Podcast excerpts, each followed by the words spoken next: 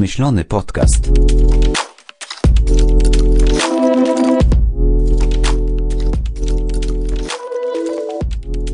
Siema, e, witajcie w wymyślonym podcaście. Od razu powiem na początku, że dość mnie bawiło e, robienie tego intro. Chciałem zrobić intro z takim generatorem text to speech. mnie całkiem bawi taki ten, więc propsy dla Radka e, głosu który się nazywał Radekt z takiej jakiejś strony, która robi text to speech. Świetnie powiedział wymyślony podcast. Wymyślony podcast będzie o filmach i wymyślony podcast nazywa się Wymyślony podcast, bo uznałem tą nazwę, że jest cool, że mi się podoba i po prostu to cała historia. Też, też trochę o tym, że w sumie mówię do wymyślonej publiczności, do wymyślonego słuchacza. Nie wiem, czy ktoś, ktoś jest po drugiej stronie, nie? Muszę sobie najpierw wyobrazić, ale potem pewnie ktoś, jeżeli ty jesteś słuchaczu tym słuchaczem, to już nie jest całkiem wymyślony ten podcast, tylko już powoli staje się rzeczywistością. Albo, uwaga, mogłoby być tak, że ten podcast, tak naprawdę ja nic nie mówię, że, że ten podcast polega na tym, że ktoś zakłada słuchawki, w nich nic nie leci, tylko to są twoje własne myśli. Z jakiegoś powodu je słyszysz w formie mojego głosu i to jest wymyślony podcast twój. Wymyślony podcast. Takie dwie myśli miałem przy tej nazwie. I tak, chodzi o to, że zakładam podcast, bo chcę sobie pogadać o filmach i chcę troszkę poćwiczyć gadanie. Chcę trochę poćwiczyć takie, taki powiedzmy mięsień, taką umiejętność gadania, bo ostatnio zacząłem sobie robić stand-up, tak nie wiem, zawsze mnie to trochę ciekawiło, żeby spróbować, jak, jakby moja wersja była. I się skapłem, że nie jestem do końca jakby doświadczony w takim gadaniu, więc zawsze jakieś coś jest przydatne do tego, żeby mieć większe obycie, większą jakby swobodę mówienia i tak dalej. No i też y, dlatego będzie o filmach, bo jestem właśnie takim początkującym stand-uperem, komikiem, o ile mogę się tak w ogóle nazwać, nie? Byłem na razie na czterech open micach i na przykład ostatnio było beznadziejnie, e, raz jest całkiem ok i nie mam jakiejś renomy, nie? Nie mogę, nie mógłbym po prostu mówić o tym, y, o moich ostatnich występach i tak dalej, tak jak to robi na przykład Bill Burr, y, który ma Monday Morning Podcast i w którym on sobie tam gada po prostu. On może gadać o czymkolwiek, ludzie go słuchają, bo jest tak dobrym komikiem. U mnie jest na odwrót, nie? U mnie nikt by tego nie puścił tylko dlatego, że to ja nagrywam. Ja chcę pogadać o filmach. Bardzo lubię filmy, ale strasznie nie lubię strasznie nie lubię tego, w jaki sposób gadamy o filmach. W sensie, najczęściej, jak jest temat filmów, y, to y, ważne są opinie i co kto widział. Opinie w takim sensie, że o, ale to było zajebiste, no, to, jest, to było super, nie wiem, widziałeś ostatniego Top Guna, no, był zajebisty. Ja, ja też, ale widziałeś to i tylko się wymieniamy następnym i następnym, a ja oglądałem to na Netflixie i jakie było zajebiste i tyle. To jest jakby wszystko, co powiesz, to ja widziałem to, ty widziałeś co innego i jakie było super, jakie było beznadziejne. To jest, y, to mnie denerwuje też te oceny y, na platformach streamingowych też mnie irytuje, że Boże, na platformach streamingowych, na tych, nie wiem, Filmwebie, Letterboxie, czymkolwiek. Po prostu walimy gwiazdki, jakbyśmy byli królami i nie wiemy, ty mnie nie zadowoliłeś w filmie, spadaj, masz tylko trzy gwiazdki na pięć. Ty byłeś śmieszny, ale nie wiem, nie podobała mi się e, scena z jakimś, z jakąś wkurwiającą babą, która miała być wkurwiająca i dasz, dam ci za to 3,5 gwiazdki, nie? I to jest tak jakby ocenianie filmów i wszystko e, mnie irytuje. Wolę właśnie sobie po prostu o nich pogadać, tak jak tutaj będę to robił. E, no, nawet sam na Letterboxie, teraz ostatnio używam, po prostu odhaczam, bo tam można zaznaczyć, którego dnia widziałeś film i po prostu mam w kalendarzu, że tego dnia widziałem ten film, nie? I tyle. Nie jestem zwolennikiem zbytnio oceniania filmów i nie lubię tego, jak krótkie, płytkie są często rozmowy, bo po prostu się licytujemy, kto co widział ostatnio i tyle. Tak trochę więcej o tym pogadać e, jest fajnie. No i właśnie pierwszy podcast jest o tym, że jest pierwszym podcastem. I jako, że jest pierwszym podcastem, to tematem pierwszego podcastu jest samoświadomość, czyli tak jakby chodzi mi o y, autotematyce, nie? No właśnie to, co robię teraz, y, to czy to jest spoko, czy to jest fajne, czy to, czy to jest interesujące w filmach też. Mm, tak jakby, wiecie, komentujące samego siebie. Też często są takie żarty. Ostatnio się mówi, że są meta żarty. Nie wiem, czy kojarzycie, że tak ktoś powiedział. Chodzi o to, jak ktoś nie, no, że na przykład Rick and Morty jest mega meta y, humorem, tak? Bo oni są jakby świadomi, Ej, Morty, no, jestem tylko twoim dziadkiem, który nie jest twoim dziadkiem, bo jestem z innego wszechświata i nie ma żadnego znaczenia, bo jesteśmy tylko kreskówką. On, tak, Rick, ale ja bardzo cię lubię i w ogóle, i nie wiem. Tak jakby Rick and Morty jest śmieszny, ja go lubię, ale rozumiem, że ktoś może nie lubić tego z tego powodu jakby ta samoświadomość y, może być czasami wręcz irytująca. I jeszcze a propos tego, że to jest nowy podcast, świeży i traktuję pierwszy odcinek jako pierwszy odcinek. Chciałem powiedzieć tylko o pewnym panu, którego po prostu szukałem mikrofonu e, do podcastu i klikam sobie jakiś filmik na YouTubie, gdzie polecają mikrofony i gościu powiedział na początku e, często mnie pytacie, jaki kupić mikrofon. Ja wam odpowiadam najlepiej nie kupujcie mikrofonu, to nie będę musiał słuchać żadnych nowych, nudnych podcastów. Chciałem do tego pana, czekajcie, muszę znaleźć jego imię. Okej, okay, znalazłem. Jest to e, Łukasz Ciechanow, Ciechański na YouTubie, 11,5 tysiąca subskrybentów, potężna firma. E, zaczął od tego, że, że, że on by musiał słuchać te podcasty, co ludzie po obejrzeniu, więc lepiej nawet nie kupować tych mikrofonów. E, chciałem powiedzieć panu Łukaszowi, już od, zaczynam pierwszy podcast grubo, ale żeby spierdalał. Chcę, e, chciałem mu powiedzieć, że jak nie chcesz słuchać podcastu, to e, możesz nie klikać podcastu. Łukaszu. Zostaw podcasterów w spokoju.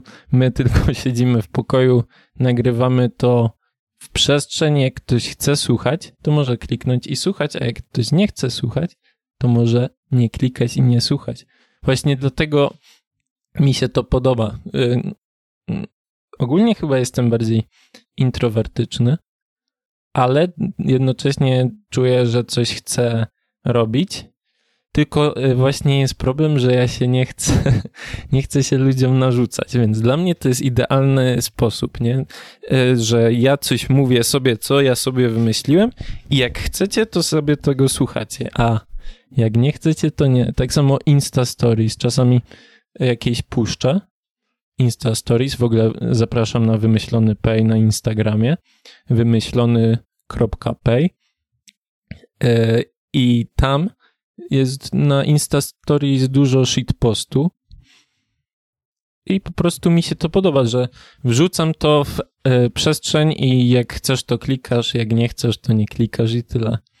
No dobra. Meta żarty omówione.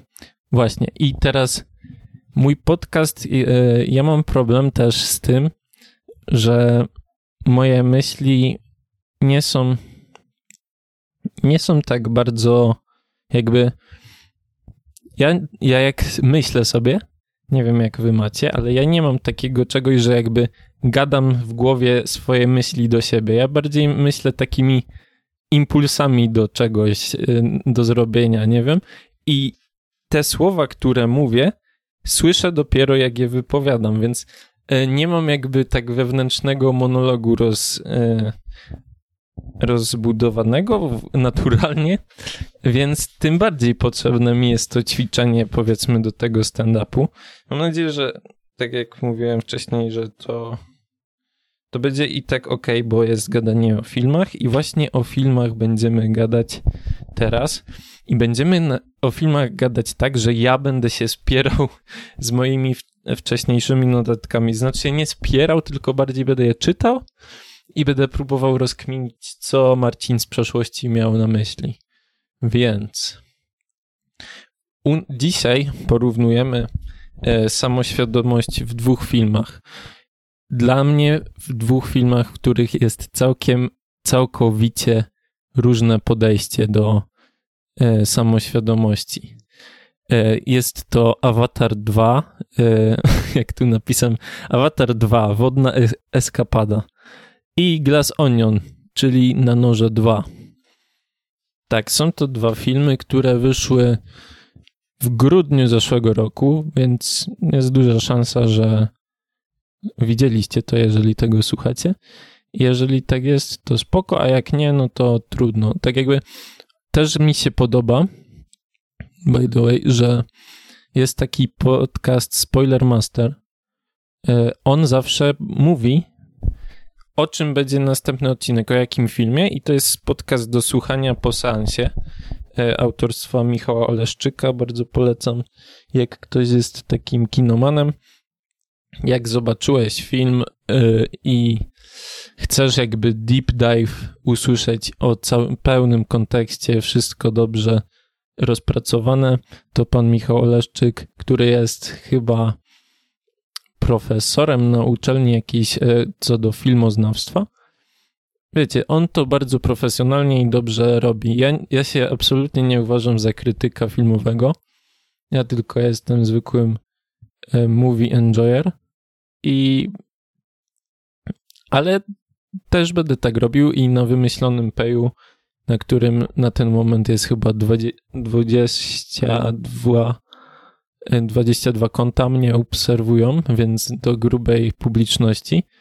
E, wysłałem, że pierwszego odcinka dotyczą te dwa filmy, właśnie ten Avatar i Glass Onion. I będę się starał tak robić, bo myślę, że jest fajnie. Jak się chce, właśnie jak się chce, panie Łukaszu, kurde, ciechański yy, beef, rozkręcamy dramy, wiecie, na początku trzeba rozkręcić dramę z jakimś kątem, żeby się wybić. E, no właśnie, jak się chce, to można po prostu wejść e, na tym wymyślonym payu. Będzie raczej info przed opublikowaniem następnego odcinka, o czym będzie następny odcinek, o jakich filmach będziemy gadać. No i w końcu przejdźmy do tego. E, obydwa filmy, i Avatar 2, i Glass Onion, to są części drugie serii. Są to części drugie serii. E, no, bardzo różne. Oczywiście pierwszy rzut oka może się wydawać porównanie trochę z czapy, nie? Skąd, czemu porównuję Avatar 2 z Glass Onion? A to dlatego, że są tak różne. Według mnie w tym, jak, jak bardzo e, są samoświadome. Dla mnie Avatar 2 jest y, kompletnie niesamoświadomym filmem. Dla mnie Avatar 2 jest filmem, który chyba, no nie wiem, 13 lat, tak? 13 lat od 2009 y, czekali najwięksi fani y, Awatara na drugą część. I jak się doczekali na nią, to poszli do kina i zobaczyli film. Tak jakby nie znam osobiście żadnego człowieka, który jest wielkim fanem Awatara, Mi się wydaje, że wszyscy jesteśmy troszkę fanem Awatara, tylko dlatego, że jest to naj, najdroższy film w historii. I jest to film, na którym wszyscy byli. Tak jakby wszyscy usłyszeliśmy, to jak dużo ten film kosztował pana Jamesa Camerona i stwierdziliśmy, kurde, no, jak tyle kosztował, to trzeba kupić bilet, pójść do kina, żeby się trochę zwróciło. No i tak robimy. Robimy tak z pierwszym awatarem. Zobaczyło go, mm, nie wiem, over one billion miał, tak pisało zawsze, że ponad miliard dolarów y, zarobił. Potem chyba go Endgame wyprzedził y, od tego, od Marvela, wiadomo. I y, z re-releasem Avatar pierwszy przegonił to i Avatar drugi też jest już w czołówce, w pierwszej trójce zdaje się filmów najbardziej dochodowych w historii. Tak jakby ten film, jak chodzi o samoświadomość, to nie ma jej za dużo, ale nie chciałem powiedzieć, że to jest źle albo dobrze, bo właśnie po co oceniać filmy tak szybko, tak łatwo? Dla mnie y, filmy są się można poddać ocenie film, oczywiście, ale trzeba mieć na uwadze o co chodzi, czemu ten film powstał i dla kogo powstał. I Avatar 2 to jest film, który powstał dla rozrywki. To nie ma być wysiłek intelektualny, to nie ma być e, nie wiadomo co, ma być fajne, fajne zabawy w, e, na Pandorze w kosmosie, fajne niebieskie ludziki, super efekty, rozpierdziel, wybuchy. No i to, żeśmy otrzymali. Tak naprawdę pierwsza część była w praktyce Pocahontas w kosmosie, tak? Była e, tam księżniczka, którą e, jeden ze złych w cudzysłowie, albo tak naprawdę naprawdę złych e, ludzi się w niej zakochał i on postanowił, że oni mają rację, my jesteśmy najeźdźcami, nie powinniśmy niszczyć ich ekosystemu. No, jeden do jeden historia praktycznie jest Pocahontas. I jak, jak wiele krytyki by nie było do pierwszej części Awatara, trzeba przyznać, że prosty schemat, ale się sprawdził. Moim zdaniem łatwo było podążać za fabułą każdemu. Nie było to. Był, był to po prostu e, dobry motyw, podwtarzalny, ale dobry motyw, e, fajnie osadzona akcja. Śliczne było właśnie to, jak poznawaliśmy tą planetę. Jeszcze był IMAX 3D. Niesamowicie było e, się dowiedzieć po prostu, że może być tak epicko w kinie. Wtedy, nie wiem, 2009 miałem z 13, Boże, z 11 lat i no, byłem zachwycony. Avatar 2, jakby, wiecie, 3D już trochę spowszedniało. Od pierwszej części hype 13 lat się nie trzymał, ale jednak, jednak dużo osób widziało ten film. I był to zdecydowanie film, który żeśmy zobaczyli wszyscy w kinie. I, i, i był on nakręcony. i możemy o nich tyle powiedzieć, że, że go widzieliśmy.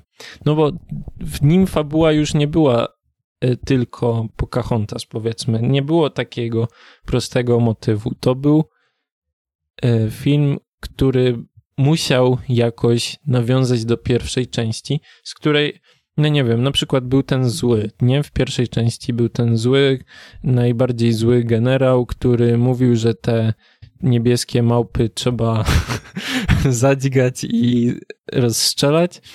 I on wrócił w drugiej części jako awatar. No bo w jakiś sposób trzeba e, trzeba po prostu nawiązać do pierwszej części i najprościej zrobić tak jak w Star Warsach w ostatniej epizodzie. W jakiś sposób e, Palpatine powrócił, tak tutaj w jakiś sposób powrócił ten zły. A dlaczego mówię ten zły? Bo do cholery nawet są z tym memy, jest dużo memów. Nikt nie pamięta tych postaci, jak się nazywały. Moim zdaniem to jest absolutnie nie do zapamiętania. W sensie pamiętam Jake Sully i chyba Netiri, ta, te główne dwie postacie. Teraz w tej drugiej części zapamiętałem jeszcze postać y, Spider, Pająk. Był to, nie wiem, ja go określam jako biały raper. Dziecko, o, tutaj mamy motyw Tarzana w dreadach, które było przygarnięte e, przez tych ludzi Navi. O, kolejna nazwa, którą pamiętam. Widzicie, pamiętam trzy rzeczy z Awatara. Jak dużo. A się próbowałem przygotować przed tym odcinkiem, ale tak jakby po prostu próbowałem przypomnieć sobie fabułę. Nie skupiałem się na nazwach. Yy, dobrze, i oni, wiadomo, było wszystko fajnie, mają rodzinę, szczęśliwi są, nagle się coś spierdzieli. Ogólnie potem musieli być e, uciekać, żeby nie atakowali ich w tym miejscu. No, bardzo proste motywy, bardzo proste wszystko, ale nie, chciałem powiedzieć, że mi to nie przeszkadza. Ten film kompletnie też, zdaje się, mu to nie przeszkadza, że fabuła jest po prostu jakimś koniecznym elementem do tego, żeby oglądać, jak latają, y, przyczepiając się włosami do swoich pterodaktyli i jak fajnie przyczepiają się do włosów, włosami teraz jakimiś wodnymi stworami te awatary i jaki rozpierdziel się robi. I patrzcie, jak w 3D to wygląda epicko. Znowu e, no i dla mnie jakby nie wiem, czy ten film nie był świetny. Ja się świetnie bawiłem chyba. Chyba, nie wiem. Nie wiem, czy też się nie oszukałem, tak jakby mówiąc, że musi być fajnie na awatarze w 3D w kinie, bo tak było jak byłem mały, to teraz musi być tak znowu. Nie wiem, czy, czy Avatar 2 to nie jest trochę placebo to, że się dobrze bawiłem. Ale no na pewno, jeżeli oglądałeś, to fabu... Boże, fabuła. Fabuła cię może nie wciągnęła, ale film cię wciągnął, była tam dramaturgia. Raz dzieci były porwane, raz nie. No to ocenę pozostawiam wam. Ja tylko chciałem wspomnieć o tym, że niektóre filmy mają w dupie to, to czym są. Po prostu są bezczelnie sobą.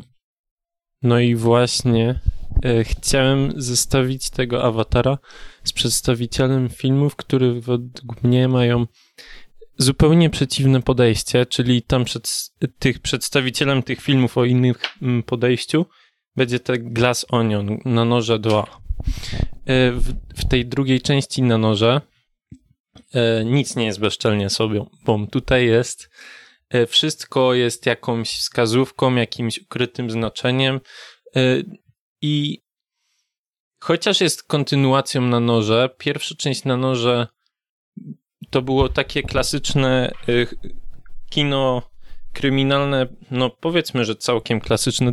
Był twist, podobny twist jest w tym Glass Onion.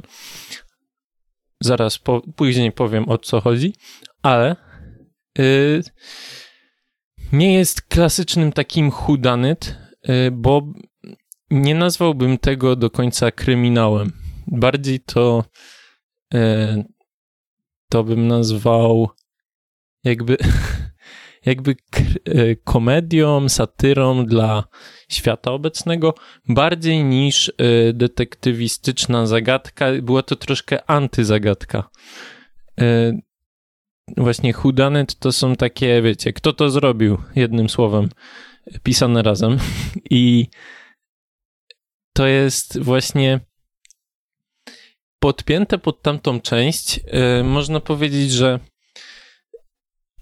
że jest kontynuacja, druga część i nie jest do końca to samo, yy, nie jest do końca tym, czego się spodziewać można po pierwszej części.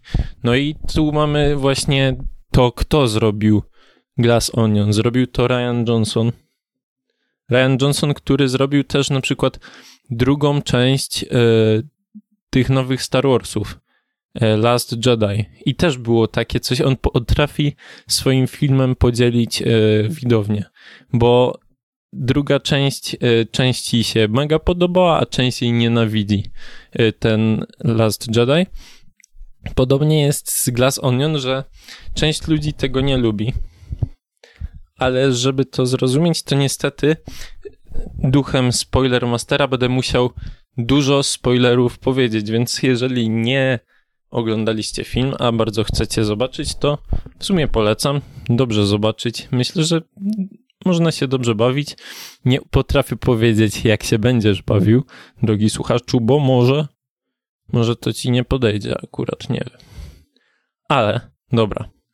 To Glass Onion jest drugą częścią, jest takie mega samoświadome, jest antytajemnicą, e, więc już w tytule w Glass Onion jest podpowiedź, że to jest trochę anty, e, antytajemnica, no bo Glass Onion, czyli dosłowne tłumaczenie to jest przeźroczysta cebula.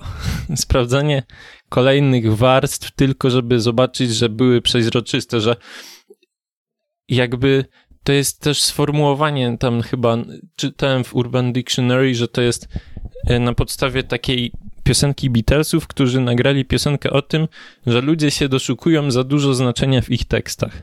I właśnie yy, zglas onionować coś można, jakby. Yy, no, a to jest tak naprawdę to, czym jest. Czyli awatara. Nie chciałem zglas onionować, powiedziałem tylko, że był rozrywkowy, dobry, może dobra rozrywka, może dla innych trochę nudne, może w każdym razie po prostu awatar sobie jest. I jest taki, bo jest takim trochę glass onion awatar, bo y, jest po prostu awatarem. Jest proste przesłanie tam, y, prawda, natura jest ważna i tyle. A w Glass Onion mm, właśnie mamy grupę ludzi, która no, na początku każdy dostaje pudełko i są na wspólnym kolu. E, takim, to było w trakcie pandemii wszystko napisane. E, no i wszyscy dostali na tym, na tym kolu dostali tą samą paczkę i ta paczka miała tam jakieś łamigłówki, żeby je rozwiązać razem tam rozkminiali. I jak doszli do środka, to się skapnęli E, że w środku mają to samo zaproszenie. Zaproszenie jest e, na weekend, e, weekend czy taki wyjazd na wyspie prywatnej od ich ziomeczka, miliardera Miles, on się nazywa Miles Bron. Grany jest przed, przez Eda Nortona. No właśnie, już pierwsza rzecz, ten taki weekend na prywatnej wyspie to jest dość chyba oczywiste nawiązanie do tam Kim Kardashian chyba takie coś zrobiła na jakieś urodziny, nie wiem. Pamiętam, że to było głośne wtedy. No i takich nawiązań jest mnóstwo. Same te postaci, które są w tej grupie, Same te postaci są już takimi trochę archetypami ludzi z XXI wieku. E, jest Claire, taka polityczka, która jest panią gubernantką w stanie Connecticut e, i teraz startuje do Senatu. E, jak ją poznajemy, to to daje wywiad w CNN z domu i wiecie, tam ma przedszkole, wszystko naraz, taka dzielna kobieta, samodzielna i w ogóle super polityczka ale tak samodzielna, że musi być wspierana przez kolegę miliardera oczywiście. E, potem mamy Lionela, który jest głównym naukowcem e, w Alpha, w tej wielkiej firmie od e, Milesa Brona, od tego Eda Nortona. I on jest w niewygodnej pozycji, bo z jednej strony jest tym wykształconym naukowcem, który wie o co chodzi we wszystkim, a z drugiej strony musi słuchać się jego, jakby tego Milesa Brona porad, które dostaje faksem z jakiegoś powodu Miles nie używa e, w ogóle telefonu i nie wiem, na przykład miał y, takie, taki fakt, którym pokazał tam, że AI plus psy równa się dyskurs. Cokolwiek to znaczy, też powiedział, że NFT dla dzieci zapłaciło za ten budynek, także jest taka satyra z tego new, nowej technologii takiego Silicon Valley. No i jeszcze paczkę dostała e, Beer DJ, to jest taka celebrytka, taka celebrytka, co nie ma wyczucia i ma taką asystentkę Peg, która cały czas jej jakby nie pozwala używać telefonu, bo się boi, że ta Beer DJ coś zatweetuje i będzie grubo, nie? Więc... Yy, więc Beer DJ to jest tak, ona w ogóle ma imprezę wtedy i mówi, że jest w swojej bańce, a jest pandemia, wiadomo. No i yy, ona, ona jest pod mega wrażeniem tego pudełka, bo tam muszą rozwikłać jakiś tam yy, jakieś tam zagadki typu mat w, w dwóch czy w jednym yy, w szachach najprostszy, albo jakieś z kierunkami z kierunkami świata, takie jakieś łamigłówki, ale no nie takie mega, mega trudne, chyba. Ale no ona nazywa od razu geniuszem tego Milesa, że dostała takie pudełko. No i poza nimi jest jeszcze e, Duke, który pudełko dostał od mamy. Duke e, dostał pudełko od mamy, ale to nie przeszkadza mu te mieszkanie z mamą być wielkim Twitch streamerem Grego Bautista, ten taki WWE w tym wrestlerem był i e, no, wygląda tak groźnie.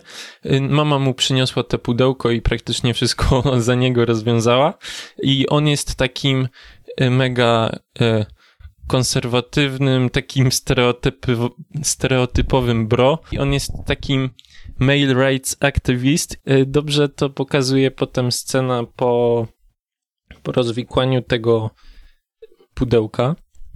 Y, pojechali na, do portu, żeby się po prostu tam dopłynąć do tej wyspy i jest pandemia, więc wszyscy mają jakieś tam maseczki. Powiedzmy, że wszyscy, no bo właśnie, wiecie, poli polityczka miała taką maseczkę, ale trochę jej spadała, tak niby pozory zachowuje, ale jednak jej się nie chce. Robi to tak dla pokazu. Lionel, ten główny naukowiec, to on miał taką porządną maskę, taką kurde, taką niesamowitą. Beer DJ miał taką jak Lana Del Rey wtedy, taką koronkową, co przeźroczystą praktycznie nic nie dało. No a właśnie ten Bautista z tą swoją dziewczyną, która się w ogóle nazywała Whisky, e, oni nie mieli w ogóle maseczek. No i poza tym, poza tymi tą jakby główną grupą, e, mamy też scenę, jak dostaje inna osoba, e, taka czarna babka, się nazywa Andy, e, dostała też pudełko i tak jak wszyscy to rozwikłali, tak się zastanawiali bardzo, patrzymy, taka scena i ona wyciąga młotek i rozczaskuje pudełko, nie? Taka brzytwa Okhama, czy jakoś tak najprostsze najprostsze rozwiązanie jest najlepsze dla niej. Też zobaczyła te zaproszenie, nie musiała się tak męczyć z tym. To zaproszenie to nie było po prostu zaproszenie na weekend. Było to zaproszenie na e, weekend, w którym będzie rozwykłana zagadka śmierci gospodarza. Więc mamy tę naszą, teoretycznie naszą zagadkę zarysowaną i też y, musi być kontynuacja. Jest Glass Onion, to jest film, film z serii na noże, tak jest podtytuł. No i kontynuacją, zaczepieniem tego jest nasz y, super detektyw y, James Bond, który się nazywa teraz Benoit Blanc i ma bardzo dziwny akcent.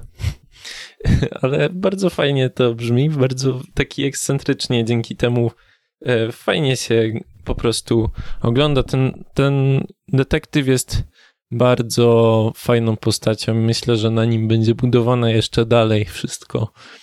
Y, I tak, no ten, ten detektyw to Glass Onion on jest znudzony.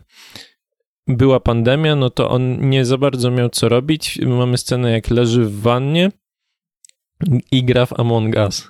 I się denerwuje, bo nie umie dobrze rozwikłać, kto był impostorem. I tęskni za prawdziwymi intrygami, bo w to jest słaby akurat. Też się dowiadujemy w grze, jest, że jest słaby w Cluedo, co jest śmieszne w miarę. Właśnie głównie komedia, tak jak mówię, głównie komedia, ale jednak muszę wam trochę opowiedzieć, o co chodzi w tej całej historii, żeby jakby ją zanalizować pod kątem tej, tej samoświadomości, bo y, dostaliśmy te zaproszenie na tą wyspę. Wszyscy tam się zebrali. No oprócz tej, tej grupki, co wymieniłem, tych, tych ludzi, co się trzymają razem i co byli na jednym kolu, rozwikwywali zagadki, y, żeby otworzyć to zaproszenie. W, w porcie czekali oni i czekał też tam Benoit Blanc, e, się zdziwili ogólnie, bo ta ich grupa, która się nazywa Disruptors, mm, Disruptorzy, jakoś tak po polsku też to tłumaczyli, e, jest dość zamknięta. Tam chyba coś w stylu od 8 lat nikogo innego nie zaprosił niż tej grupy. No ale w sumie, skoro jest zagadka morderstwa, to ma sens, że ma detektyw, więc wszyscy, e, wszyscy się z nim witają. Wow, ale, ale zaszczyt, taki detektyw, a on też zaszczycony, wszyscy zaszczyceni. No i e, przyjeżdża tak randomowo, w ogóle dobrzy aktorzy mają tam krótkie role. Hugh Grant był e, ziomkiem od Benoit Blanca, który mu przyniósł paczkę, bo on siedział w wannie a Ethan Hawke y, przybył y, jako taki, nie wiem, jakiś pracownik od tego Milesa i wszystkim im, y, zanim weszli na statek, kazał ściągnąć maskę, otworzyć buzię i coś ala zastrzyk w podniebienie im takim śmiesznym, srebrnym, futurystycznym pistoletem wstrzykiwał można to mieć wątpliwości, y, czy to serio działało jako taka szczepionka, czy coś, czy to on mówił it's all good i po prostu. To po prostu było chyba trochę takie też y, placebo na geniusz y, Milesa Brona. Te, te, te lekarstwo powiedzmy na ten COVID w tamtym momencie. No i już mają odpływać, już siadają, już mają zabezpieczone i dojechała jeszcze ta Andy. Ta Andy, która rozczaskała, e, rozczaskała pudełko. Przybyła na ostatnią chwilę, no i e, płyną tam. I oni są mega zdziwieni, że Andy tam przybyła, bo ona została e, social networkowana z firmy. Czyli tak jakby e, wy, wydymał ją ten Miles Bron w skrócie i odsunął ją, chociaż była współzałożycielką e, od firmy. No i tak się tego dowiadujemy razem z tym detektywem. Przybywamy na wyspę. E, nie ma nikogo na tej wyspie, tylko jest e, Miles Brown, który ich wita grając na gitarze tam, która była od Paula McCartneya, czy jakoś tak. I ją rzuca na plażę tak wyjebane. I no nie ma nikogo, tylko on i jest też Daryl, który jest żartem, że jest tam Daryl, taki gościu, który przeżywa jakiś tam czas swój i potrzebuje wychillować na wyspie, ale on nie bierze udziału w tym e, weekend experience, więc mają się nim nie przejmować. Okej, okay, straciłem na Daryla właśnie też jakieś 30 sekund cennego czasu, ale okej. Okay. Ta wyspa cała jest, e, nazywa się Glass Onion. Ten pałac, który jest na środku wyspy, e, jest też w takiej kształcie takiej szklanej cebuli, też się nazywa Glass Onion. Glass Onion się nazywał bar, w którym się poznali. E, no i ten Miles Brown jest tak ewidentną parodią Ilona Maska, że to jest hit. to jest on i właśnie mi się wydaje, że od nastawienia do prawdziwego Ilona zależy, jak odbierasz ten film, bo jak go mega lubisz, jesteś mega fanem, to uważasz, że to jest e, karykatura niesprawiedliwa, prze, przesadzona i nie, jakby to przesłanie ci blokuje y, fan z tego filmu mieć. Więc no nie wiem. Ale tak jak mówiłem, ten reżyser Ryan Johnson lubi podzielić. No ale no jest ewidentną y, parodią takiego miliardera mocno. Mocno ten Miles Brown. I widać, że on ma taki taką władzę nad resztą grupy. Taki, on się wyraża takim dziwnym new age'owym językiem. Mówi, że ta wyspa to jest jego dziedzictwo. E, on chce zostać zapamiętany dzięki, e, dzięki tej wyspie. I szczerze mówiąc, tak by the way, e, to jest tak jakby te prywatne wyspy i to wszystko to jest. Kiedyś słyszałem, że Elon Musk czy tacy ludzie to, to oni robią to, co głupi ludzie myślą, że bogaci ludzie robią. I dokładnie tak, tak właśnie wygląda ten. Wygląda to. Te sceny w tym filmie, nie? No i dobra, wszyscy. On im pokazuje tą wyspę, jest jakiś taki dąg co godzinę, który ktoś tam skomponował też, wiesz. To jest takie wszystko jest takie jego pomysłem, ale ktoś inny to zrobił, on tylko to zlecał, nie? Wszędzie. Każdy, każda rzecz jest w taki sposób podprogowo przekazana, że tak naprawdę to nie są oryginalne jego pomysły, mm, tylko od niego. No i wszystkim tam dał jakieś opaski, rozdał, y, pokazał im iść do pokojów. No i Miles Brown wtedy wzywa naszego Benoit Blanc y, i mówi, ale co ty tu robisz? co ty tu robisz? Przecież cię nie zaprosiłem, nie? I on wtedy, jak to? Przecież dostałem paczkę i rozwiązałem i, yy, i tu jestem. A on mówi, hmm, to nie ma sensu. Ja to, ten ziomek, co wymyślał tą, to pudełko, ziomek od zagadek, czyli to też nie jego zagadka oczywiście, yy, ledwo co się wyrobił, nie, nie wysłali. A on, ten Benoit Blanc mówi, a jest jakaś metoda, żeby e, zresetować to pudełko. On, tak, tak, no przecież ktoś zresetował to pudełko, nie? Ten e, Miles Brown tak zaprezentował to, jakby on to odkrył. Za każdym razem jest taki, on jest taki nieznośny trochę, szczerze mówiąc. Ale no, ja nie lubię tego. Stereotyp to na pewno jest, ale na mnie działa niestety. Dla mnie taki pseudo-intelektualizm po prostu i taka zbytnia pewność siebie po prostu odstrasza prywatnie. No ale dobra. E, w każdym razie skoro, skoro już tam jest, to on jest w sumie zachwycony, bo ma to jest takie legit, że ma imprezę z zabójstwem i ma najsłynniejszego detektywa na świecie. No więc ogólnie tam wszyscy się rozeszli i potem mamy takie trochę poznawanie tej grupy bardziej. Y, I dowiadujemy się też, że cała wyspa jest zasilana na takim y, mega nowym, eksperymentalnym źródłem energii, który się nazywa Clear przez K. I y, to jest sprawa, która bardzo leży na sercu Lionelowi i, i Claire, bo oni Lionel to musi zatwierdzić jako jakby dla musi, no każe mu Miles Brown zatwierdzić to dla załogowej misji. Oczywiście Alpha to jest takie trochę jak firmy od Ilona Muska, jest też Alpha Space, tak jak SpaceX oczywiście. No, bardziej oczywistych nawiązań nie dało się zrobić, tak? Może też ta oczywistość tych nawiązań trochę odstrasza. Nie wiem, no dziwny film ale właśnie ciekawy moim zdaniem do analizy.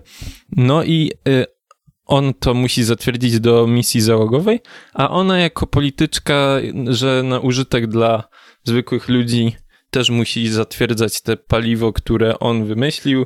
Tak jakby to jest to jest zasada, dla, na której on ich popiera. Czyli to nie jest tak całkowicie grupa przyjaciół, tak? To są, cały czas jest jakaś y, dynamika sił której wiadomo kto, kto jest panem, kogo się mamy słuchać. No i ogólnie się okazuje, że każdy z tych z tej paczki ma jakiś problem e, do Milesa. Coś mi się nie podoba w nim.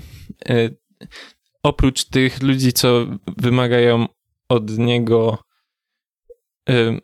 yy, znaczy się dostali polecenie od niego, żeby zatwierdzać to dziwne paliwo, ma jeszcze Birdie, ta celebrytka, to ona ona nie lubi tego, że on jest bardziej sławny od niej. Ona wolała kiedyś, jak on był zachwycony być w jej obecności. Ona jest taka, no, narcystyczna oczywiście. A no, PR-owo też na nim polega, jak coś, coś się odwali, to zawsze polega na jego, jego jakichś pieniądzach, jakichś wpływach. No i jeszcze ten Duke, no to widzimy tam scenę, jak jego dziewczyna Whisky tam ewidentnie romansuje z tym z tym Milesem. No i było takie napięcie, wszyscy trochę przeciwko niemu, no ale jednak co ich połączyło? Połączyło ich to, że wywalili Andy e, z tej, z Alfy, z tej firmy. No i Andy tym momencie, jak wszystkich poznajemy, wszyscy są w jednym miejscu, y, na nich nakrzyczała, że jak to mogło tak być i że ona chce prawdy i, i że jej się nie podoba, w ogóle jesteście wszyscy obrzydliwi i że się dwulicowi i pierdolcie się.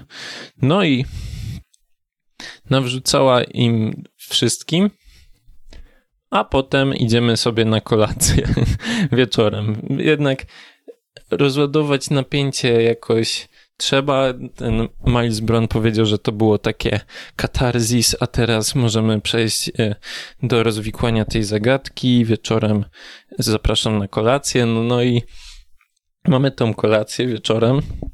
E, wbijają do tego do tego pałacu, który jest artystyczną komuną, który, e, który wygląda jak cebula i oni siedzą w tej głównej cebuli. I w tej głównej szklanej cebuli pod piękną kopułą mamy festiwal kiczu, jakieś szklane ozdoby, yy, portrety Milesa w różnych wersjach i jest też tam Mona Lisa. Mona Lisa, która jak wiadomo to jest po prostu obraz kobiety, ale to jest tak wiele więcej. Im więcej patrzysz, tym więcej widzisz. Czy może Mona Lisa też jest takim Glass Onion. Kolejny, kolejny raz jakby, kolejny raz jest mega samoświadomy ten film, bo jakby jest autotematyka co chwila o tym Glass Onion, o tym, że to jest percepcja, że coś więcej musi się kryć, tak? No i dobra, mamy tą kolację w tym kiczowantym pokoju. Yy, I no i jeszcze zanim, bo w trakcie tej kolacji Miles miał zostać zabity. I Benoit Blanc usłyszał, o, zaczynamy? No to on już to rozwikłał, tam chodziło o jakiś tam diament, który ukradł Beardy J i dostał szczałą z łuku i się e, dostał szczałą i taka sztuczna krew mu trysnęła ogólnie, e, to rozwikłał tą zagadkę w jakieś dwie minuty. Ta strzała wyszczeliła dopiero jak już wszyscy wiedzieli o co chodzi. No i ten Miles był taki, nie powiem, trochę wkurwiony na niego. Wziął go na górę, na pogadankę do swojej wyższej części cebuli, yy, gdzie jest jego prywatne jakieś takie gabinet. No i powiedział mu, że wszystko mu zepsuł, że to jest e, chamstwo, że bez sensu, czemu on tak zrobił. Na to mu Benoit Blanc odpowiedział, że on specjalnie to zepsuł mu tą zagadkę i w sumie to chciał go przestrzec, że on zrobił błąd zapraszając wszystkich ich, bo każdy z nich ma motyw, e, żeby chcieć e, się pozbyć Milesa. E, z jakiegoś powodu go pod, podskórnie, tak jakby nie pokazuje, ale go nienawidzi, a teraz zasiał im w głowie, że ktoś może mieć do niego niecne zamiary. I sama ta jego obecność, skoro on go nie zaprosił, już to na to wskazuje, więc no, Miles jest trochę taki skonfundowany, no ale tak jak zwykle to show must go on, więc schodzą na drinki. Tam wcześniej oni już piją drinki, powiedzmy, już się jakaś tam impreza dzieje. Andy jest obrażona, bo powiedziała im, że chce prawdy, a Duke powiedział prawdę. Duke powiedział, że Duke powiedział, że w sumie to oni są skazani na Milesa i dlatego wszyscy się od niej odwrócili w tym sądzie. No i dobra, było zamieszanie. E, no i wracają na te drinki, jest trochę awkward impreza, wszyscy ogólnie myślą, e, że chcą się zbierać. Każdy ma e, szklankę ze swoim podpisem, ale ta na przykład ta asystentka, Peg, asystentka od Beer DJ, nie miała podpisanej, bo ją trochę pominął, tak? Ten Miles Brown pominął tą asystentkę, ona jest nieważna dla niego. I ona sobie taki czerwony imprezowy kubeczek sama podpisuje. To jest dla mnie ciekawa scena. I też ona jest tam przerażona, jak ona uratuje tą Beer DJ, jej reputację. E, no i ogólnie robi się wielka drama. E, potem Andy poszła, e, siedzą tam razem na imprezie i Duke napił się z szklanki Milesa Brona i pada na, na ziemię nieżywy. Więc zrobiło się jeszcze bardziej awkward na tej imprezie, żeby powiedzieć lekko. Ogólnie Miles Brown spanikował, e, nie ma pistoletu od Duke'a, bo Duke oczywiście uwielbia pistolety i wziął, on zawsze bierze ze sobą pistolet. No i yy, padł martwy jeszcze w dodatku po chwili gaśnie światło, bo to był taki plan z tą zagadką. Wszyscy się rozpraszają i dostaje, y, wszyscy się rozbiegli i nagle dostaje, wiedzą, że ktoś w tym pokoju jest zabójcą i zginął Duke, więc, yy, więc się rozproszyli i dostała Andy kulkę, bo ten zabójca zabrał pistolet od Duke'a. No i teraz właśnie to jest to, ten identyczny twist, jak w, to jest właśnie ten identyczny twist, e, jak w pierwszej części na noże, że tak jakby ta początkowa zagadka się rozwikłała w pierwszej połowie filmu, no i co teraz? Teraz Wiadomo, że zabójca jest pośród nas, światło się załączyło, Andy leży jakby martwa. I właśnie już powiedziałem jakby, więc właśnie zebrał Benoit Blanc wszystkich w jednym pokoju, powiedział, że zabójca jest wśród nas i nikt się stąd nie rusza. Mamy zbliżenie na Monalisę, czy coś takiego było w tym momencie i mamy siup, koniec. Teraz dowiemy się drugiej jakby drugiej warstwy tej zagadki. No i się okazuje, że tak naprawdę to na wyspie nie była Andy, to była Helen, jej identyczna e, siostra bliźniaczka, która e, została wezwana przez policję do mieszkania swojej siostry, do domu, bo e, popełniła samobójstwo popełniła samobójstwo i jej się coś nie kleiło, że jej siostra popełniła samobójstwo. Dlaczego niby tak się stało?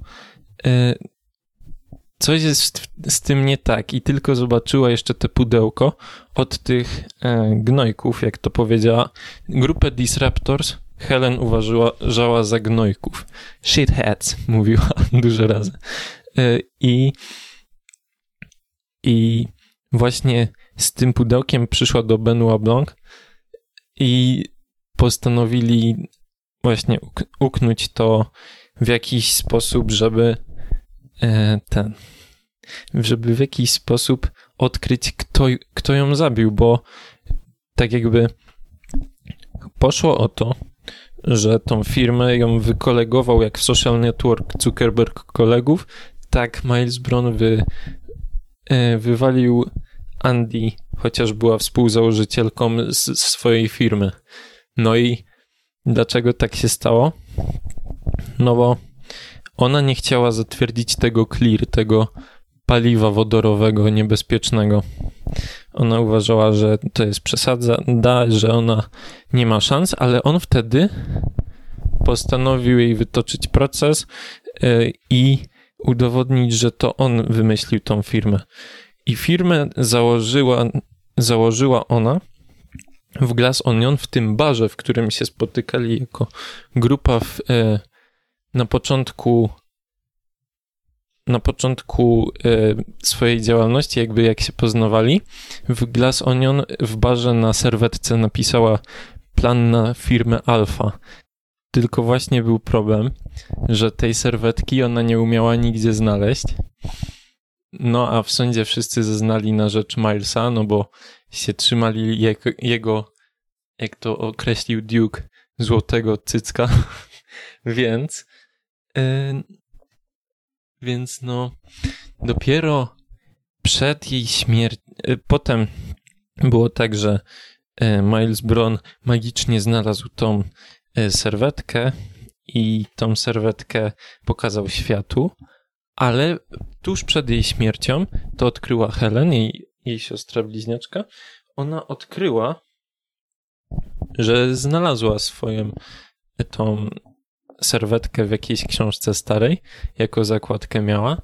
No i właśnie, wysłała tego maila wszystkim i wszyscy się dowiedzieli, że wszyscy się dowiedzieli, że tak naprawdę Helen ma dowód, że to ona rozpoczęła firmę i wszyscy potem mamy właśnie te dociekanie. Kto to zrobił? Kto zrobił to, Helen, bo bo tak naprawdę Helen y, nie mogła się zabić, nie miała motywu. Helen, y, Boże, Andy się nie mogła zabić, bo Helen w to nie wierzyła, że, że to by zrobiła zaraz po tym, jak znalazła dowód. Więc y, właśnie tam pojechała i z Benoit Blanc wymyślili, że oni będą, ona będzie udawała swoją siostrę, jeszcze zablokują informację o tym, że zginęła Andy. No i e, będą szukali. I no i kto może mieć motyw, żeby ją zabić, nie? Okazało się, tak jak mówiłem, że wszyscy mega chronią Milesa, bo wszyscy na nim jakoś polegają. I też się okazało, że każdy z nich był w domu od Andy mm, tuż przed albo w dniu jej śmierci. Tyle, że no właśnie, mamy ten, tą zagadkę, wielką zagadkę śmierci Andy i wszyscy tam byli, wszyscy wiedzieli, nawet e, Miles Brown wiedział o tym, że Andy znalazł tą serwetkę, bo Lionel jej, jemu przekazał tą wiadomość faksem oczywiście. Więc tak jakby każdy mógł to zrobić, każdy mógł to zrobić, yy, bo każdy miał motyw.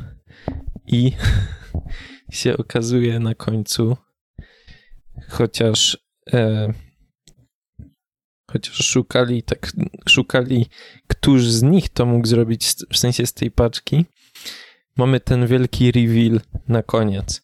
Jak już jakby była jedna trzecia, powiedzmy, zagadka, to była e, ta zagadka, dlaczego zginął, e, zginął on, ten Miles Brown na swojej imp imprezie, to tam było nic. Druga część to było, dlaczego zginął Duke. Duke zginął, bo miał uczulenie na mango i Miles Brown mu podał, e, podał mu po prostu e, sok z mango do swojego drinka i podał mu swoją szklankę, tylko po to, żeby go się pozbyć, bo Duke zobaczył, on miał Google Alert na różne tam hasła i dostał wiadomości o tym, że Andy zginęła. Wyszło to w końcu do prasy i w tym momencie Miles Brown po prostu go zabił i potem mamy, no to w takim razie, skoro on zabił Duke'a, I to było wiadomo, bo o, u niego on nie ma telefonu, a potem znaleźli jego telefon w jego kieszeni, jak wszystkich zebrali, e, wszystkich potencjalnych zabójców zebrali w sali w ostatnim momencie. Wtedy Andy poszła na górę i znalazła tą, e, tą kopertę i jakby wiemy o tym, że to jest antyzagadka dlatego, bo nawet główny detektyw był zawiedziony jak nieskomplikowane to było, jak głupi był ten zabójca, ten Miles Brown, y, bo on nie musiał, tak jak naprawdę nie musiał zabijać Andy, nie musiał zapraszać ich na tą wyspę, nie musiał, nie musiał tego wszystkiego robić. Wszystko to robił dlatego, że się czuł bezkarny, że się czuł, czuł, że po prostu mu się należy być najlepszym i wszystko ma być zgodnie z jego z jego myślą. Ale no właśnie, ona znalazła tą serwetkę i y, przyniosła ją, się dowiedzieli wszyscy, że o kurde, ona żyje, przecież przed chwilą dostała kulkę i w dodatku to nie jest Andy, to jest Helen. Tacy wszyscy ta Birdie J piszczała bardzo i w ogóle. No ale ten reveal był bardzo taki taki zawód mieli ludzie, co liczyli na wielką zagadkę. No, po pierwszym na noże można było oczekiwać jakiejś zawiłej, zawiłych powodów, a tutaj mamy takie glass onion właśnie. Szukamy, szukamy powodów i okazuje się, że były po prostu cały czas jasno pokazane. I o co chodzi w tym filmie tak naprawdę? Na końcu ona pokazała tą serwetkę. Tą serwetkę Miles Bron podpalił. Więc tak, i wszyscy powiedzieli, e, wszystkim powiedział Miles Bron, ale jaka serwetka? Ktoś ją widział i wtedy wszyscy, chociaż widzieli przed chwilą tą serwetkę, powiedzieli, nie, jaka serwetka? W sumie to ja nie widziałem. Y, ktoś tam też nie widział. Wszyscy tak jakby zaprzeczali. Wszyscy zrobili dokładnie to samo, co w sądzie. Więc Andy powiedziała im, że nie skłamiecie dla prawdy, ale skłamiecie dla kłamstwa. Jesteście wszyscy obrzydliwymi gnojkami, tak, tak jak ich nazywała w rozmowie z Benoit Blanc, tak im w twarz to powiedziała. I też przy nich zaczęła niszczyć te wszystkie szklane rzeźby, rozwałkę robić, podpalać wszystko. Ogólnie Disruption, które dis, disrupto, Disruptorzy, czy jakoś tak się nazywała niby ta grupa, Disruption, e, ten Edward Norton, ten Miles Brown, wyjaśnił jako tak, taki koncept, że najpierw trzeba zniszczyć coś, co ludzie i tak, e, czego ludzie i tak nie chcą. Jakby złamać pewien schemat i ludzie się cieszą. I potem ludzie się dalej cieszą, jak robisz coś dalej i coś dalej, ale w końcu wychodzi na to, że zniszczysz coś, na co, z czym ludzie nie będą komfortowi, ale wcześniej zdobyłeś swoje już zaufanie, e, swoją pozycję i jakby ustawiłeś się tak, że możesz być tym dysruptorem, dysruptorem do końca.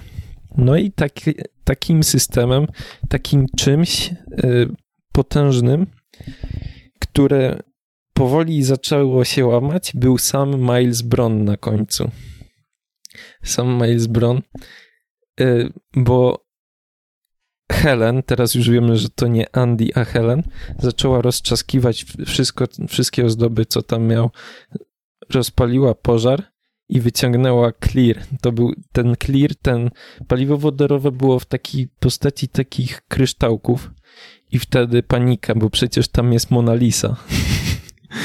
I Miles Brown zawsze mówił, że on chciał być wymieniony w jednym zdaniu z Mona Lisą. Ona zrobiła wybuch, rozwałka, wszyscy się do niej przyłączyli, ale w momencie, w którym próbowała odbezpieczyć Mona Lisę, e, wszyscy jakby już o, to jest za daleko. To był ten moment tej dysrapcji, który przekroczył pewien poziom i wszyscy już nie byli tacy. Wszyscy się cieszyli, nawet z nią tłukli te pianino, z nią tłukli jakieś rzeźby. Tego już nie chcieli zrobić, ale jak to się wydarzyło, to skutki były ciekawe, no bo właśnie Miles Bron e, wypożyczył Mona Lisa i u niego ona się spaliła. I się spaliła za pomocą jego super paliwa w przyszłość, które miało, e, na którym postawić chciał wszystko, całą przyszłość swojej firmy. Więc został zniszczony i nagle się zosta okazało, że wszyscy od razu się od niego odwrócili. Powiedzieli: Ja widziałem tą serwetkę. Ja widziałem, jak podmienił drinka, żeby Duke dostał. Ja widziałem, w jaki sposób. E, ja widziałem, ja kłamałem w sądzie. Tak jakby wszyscy się nagle odłączyli od niego, gdy tylko zauważyli, że już nie będzie miał takiej pozycji. No i tak naprawdę jakby tylko patrzeć na to na takim levelu, to ten Miles Brown był po prostu debilem, tak? Tak jak Benoit Blanc powiedział. Miles Brown jest debilem, nie ma w nim nic skomplikowanego, ale tak jak, jakby wszyscy pozwalaliśmy mu, e, nawet on zakładał, że on jest mądrzejszy niż jest, a to tylko dlatego, że odniósł sukces w biznesie, wszystko inne jakby pozwalaliśmy. To jest ta lekcja z tego filmu, a nie, e, a nie, a nie, że nie, że milionerzy są debilami, tylko że samo to, że jesteś bogaty, nie oznacza, że jesteś jakimś guru w każdej, w każdym tym, w każdej dziedzinie życia. I nawet y, po prostu to jest pewien skill, który się przydaje. I tak naprawdę ja mam jeszcze jedną sprawę co do tego. Właśnie Miles jest jak awatar.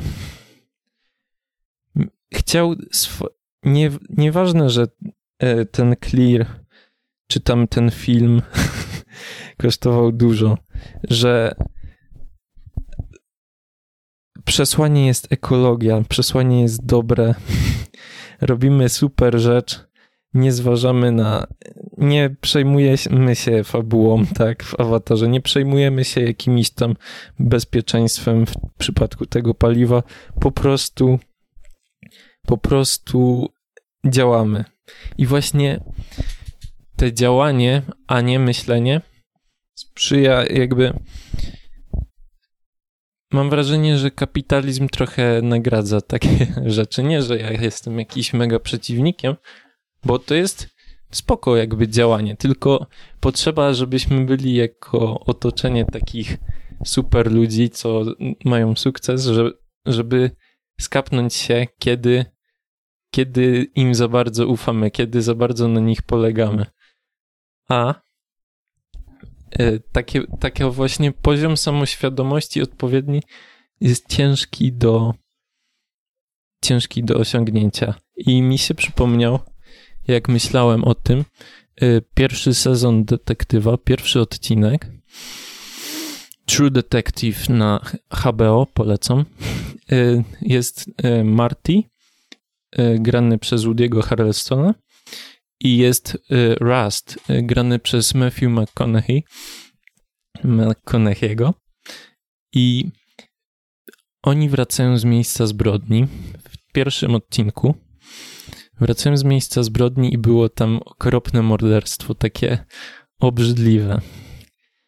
I wtedy ten Marty zapytał Rasta, żeby opowiedział w co wierzy, bo tak naprawdę y, czy on jest chrześcijaninem, czy nie umiał pojąć, jak mogło się coś takiego strasznego wy wydarzyć. Y, no i on powiedział, że nie, nie jestem chrześcijaninem. E, no to kim jesteś, nie? On powiedział, że on się uważa za realistę, a filozofowie powiedzieliby o nim, że jest pesymistą. No i potem był żart, że to w takim razie e, nie jest dobry na imprezach, ale po chwili dokładniej wyjaśnił, w co wierzy. I to brzmiało tak, to jest tłumaczenie HBO. Świadomość to jedno wielkie ewolucyjne nieporozumienie. Po co nam ona? Natura stworzyła istoty przeciwne własnej naturze. Zgodnie z jej prawami nie powinniśmy istnieć. Na co Marty powiedział, gadasz jak potłuczony. A Rast kontynuuje. Człowiek to istota, która łudzi się, że posiada osobowość ukształtowaną jakoby z przeżyć i doświadczeń jednostki. Każdy z nas został zaprogramowany, by uważać się za kogoś, a jest, jak cała reszta, nikim.